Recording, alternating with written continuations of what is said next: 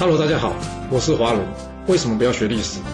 因为学历史会让你了解到顶层阶级的思考方式，成为他们的竞争者，所以他不希望你去学。还有学历史会让你看到许多前人成功及失败的案例，你的竞争对手想要好好的睡个觉，所以他也不希望你去学。最重要的是，学历史会让你了解人性，你的老板以及同事都希望你保持天真的心，所以他们更不希望你去学。就是因为这些原因，接下来我要跟你说的是故事，而不是历史。今天的主题是跟大国、大公司合作，你得随时有被出卖或是羞辱的准备。有大国或是大公司照顾，就一定是好事。那要是他哪天不愿意照顾你了，你该怎么办呢？国与国、公司与公司的交往，许多时候看的是什么？实力或是被利用的价值。其实这是一句什么陈腔滥调？那为什么一直会被拿出来说呢？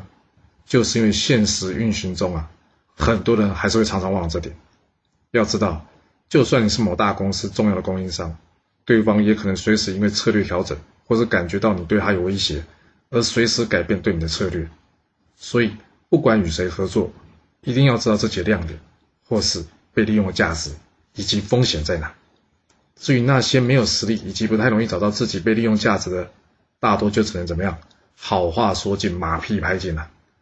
这种一昧呢依存在别人的决定来存活的人呢，短时之间或许我们看不出有什么问题，但时间一长，总会有问题的。古人说“依人者为，成人者辱”啊，什么意思啊？就是想依靠别人呢，容易发生危险；想要当别人的小跟班呢，就容易被人家羞辱。别说是国家与国家、公司与公司啊，甚至亲戚之间也会有相同的问题啊。我讲个故事给你听吧。春秋的时候呢，郑国一直靠楚国罩着，所以呢，他对其他国家也不太友善。一天呢，这宋国出兵攻打这郑国，这郑国国君当然二话不说，赶快去找他的靠山楚国老大来保护他，修理这个宋国了。而这楚宋两国呢，在洪水展开大战，结果怎么样？楚军大胜。那这样听起来有什么问题吗？该没什么问题吧？老大楚国打赢了，小弟郑国也与有荣焉，不是吗？真的是这样吗？这郑国国君呢，看楚国打赢之后呢，马上带着他的老婆，也就是这楚王的妹妹啊，一同前往啊去慰劳这楚军，并且感谢楚王的协助。但是万万没想到啊，这楚王竟然看上他自己的两位外甥女啊，所以告诉他妹妹啊，哎，你把这两个女儿留下，给我当妃子吧。这郑国国君以及他夫人敢拒绝吗？当然不敢啊，所以只好接受这楚王禽兽以乱人的行为啊！还记得我们在前面能力不够就与人为善，想要介入强者，千万要小心，不要变成引狼入室时，不是也说过齐国与蔡国的故事吗？这齐国想找楚国修理蔡国，结果呢，倒霉的却是自己齐国。所以你以为给大国或是大公司罩着你？你就能过上幸福安稳的生活吗？这大国没事会要你买武器，要你开放这个商品，开放那个商品的，他才不管你要不要呢。你能跟他讨价还价吗？